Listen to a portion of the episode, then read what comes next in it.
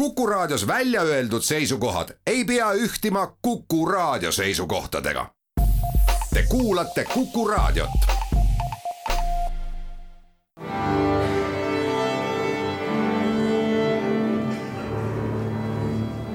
daamid ja härrad, Eesti Kontserdi saade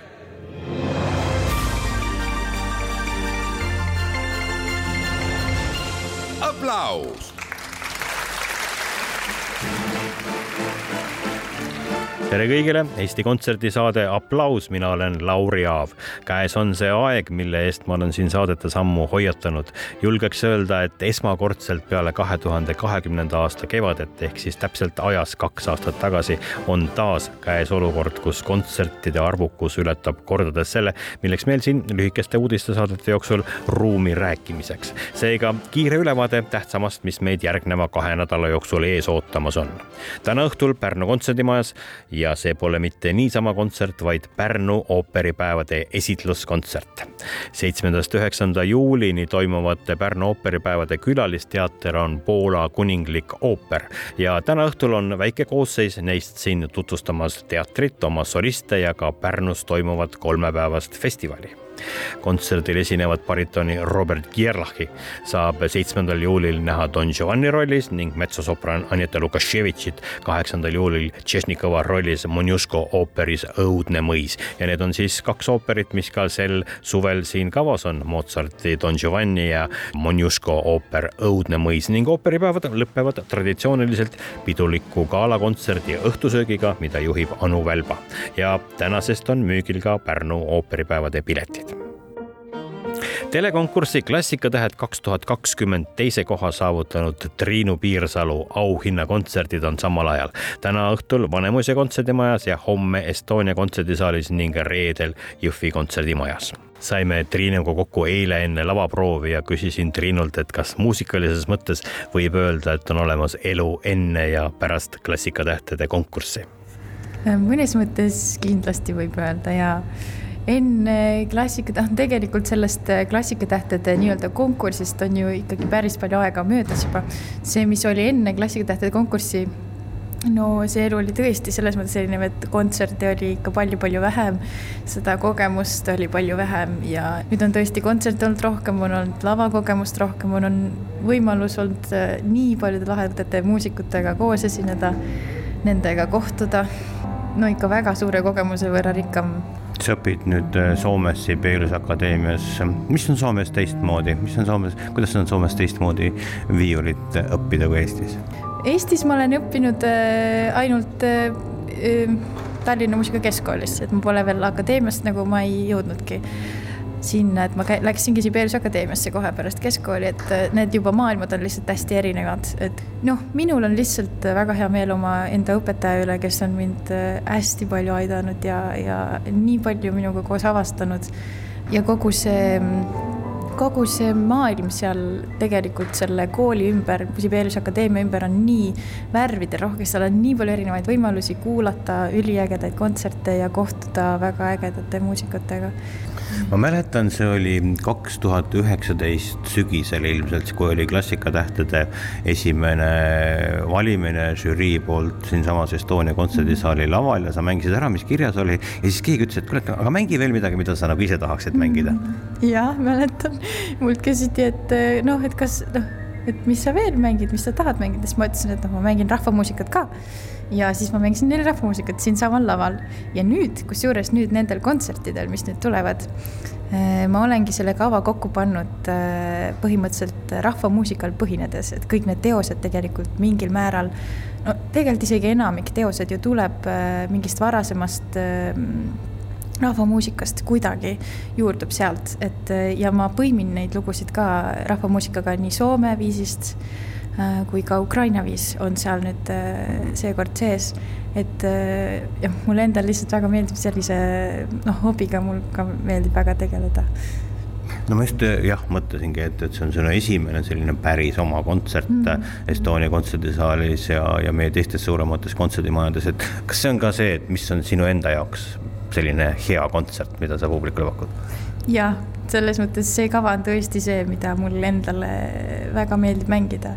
ja just, et mul oli võimalus täiesti ise see programm valida ja panna kokku, et ma olen väga õnnelik ja see, et ma sain kuidagi selle rahvamuusika sinna sisse panna, see teeb mind ka väga-väga õnnelikuks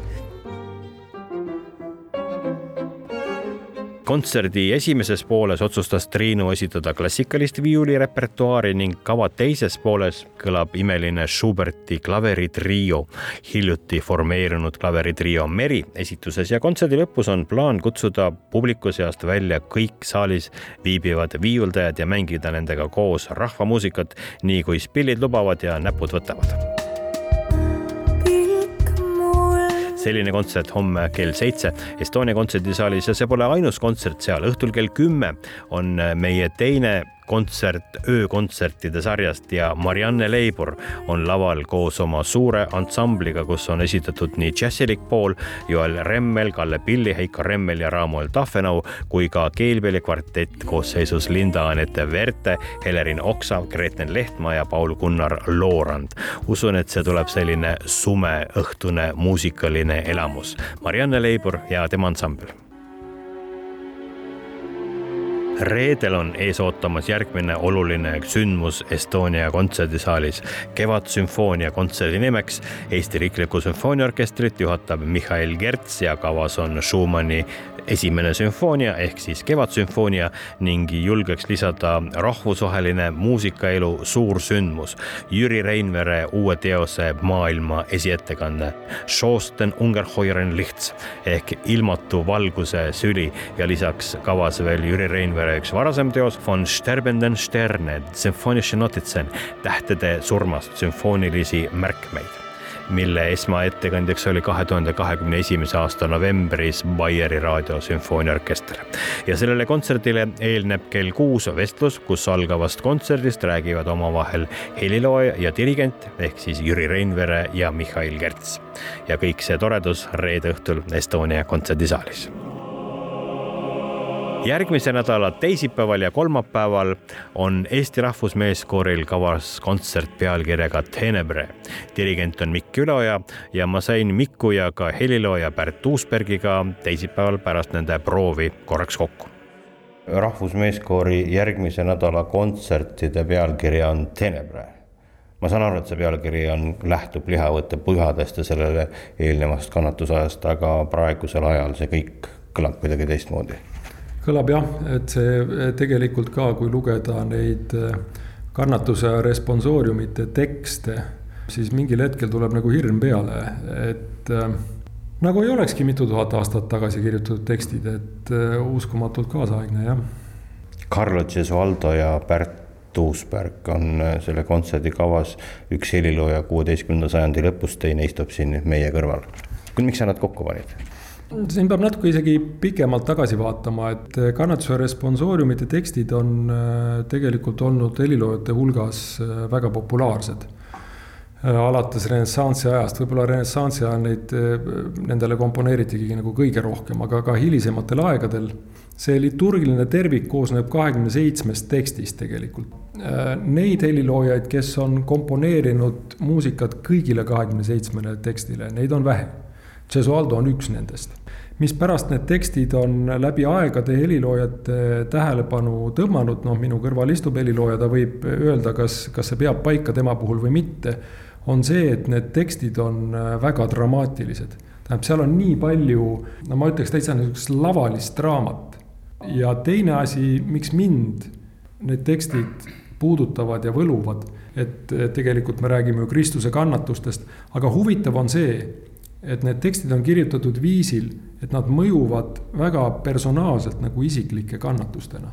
et see ei ole nagu jumala poeg, kes on kõrgel ja kaugel ja, ja see kõik ei toimunud kaks tuhat aastat tagasi mm, -hmm. vaid äh, seal on hästi palju sihukest inimlikku, isiklikku valu, justkui keegi, kes räägib otsekõnes oma läbielamistest, jälle tulles tänasesse päeva, et see tekitab õudust äratavaid paralleele tegelikult, aga. aga, aga nüüd ma ei tea, võib-olla Pärt räägib sellest, et kas, kas see, miks minu arvates need tekstid on heliloojate hulgas olnud populaarsed. kas see vastab tõele või kas tema puhul see peab vett või mitte, see väide?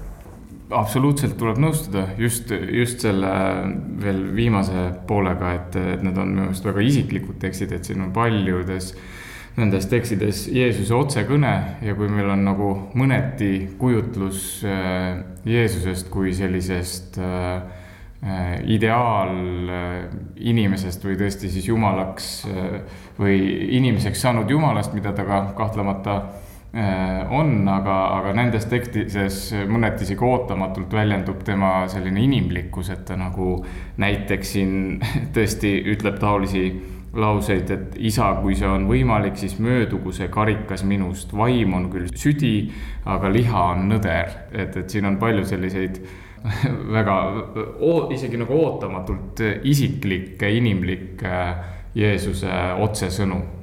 Ma jätsin vist ennist poolele sinu küsimusele vastamata, et kui sa küsisid, et miks ma need kaks asja kokku panin, Cesualdo ja Uusbergi. mulle meeldivad äh, siuksed konstruktiivsed kontrastid ja kui ma alguses neid Pärdi kirjutatud lugusid vaatasin siis nad eraldi võttes on kõik väga head, aga ma sain aru, et kui nad on järjest, siis nad hakkavad natuke üksteist ära sööma. Ja mul läks mingi aeg, enne kui mul hakkas lambike kuklas põlema selle Cesualdo osas.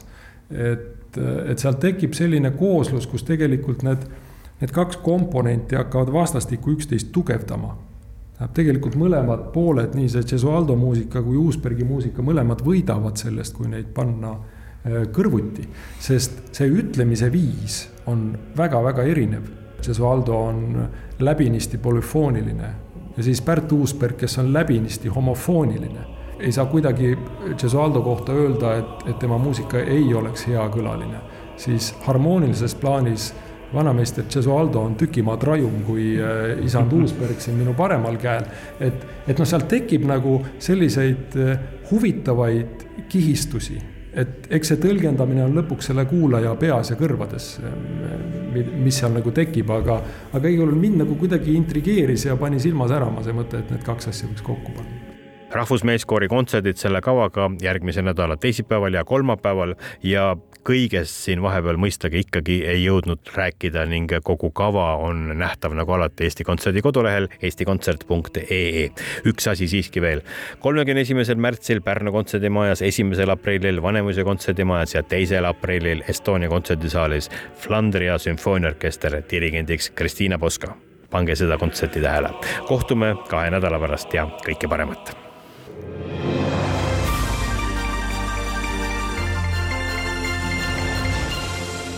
aplaus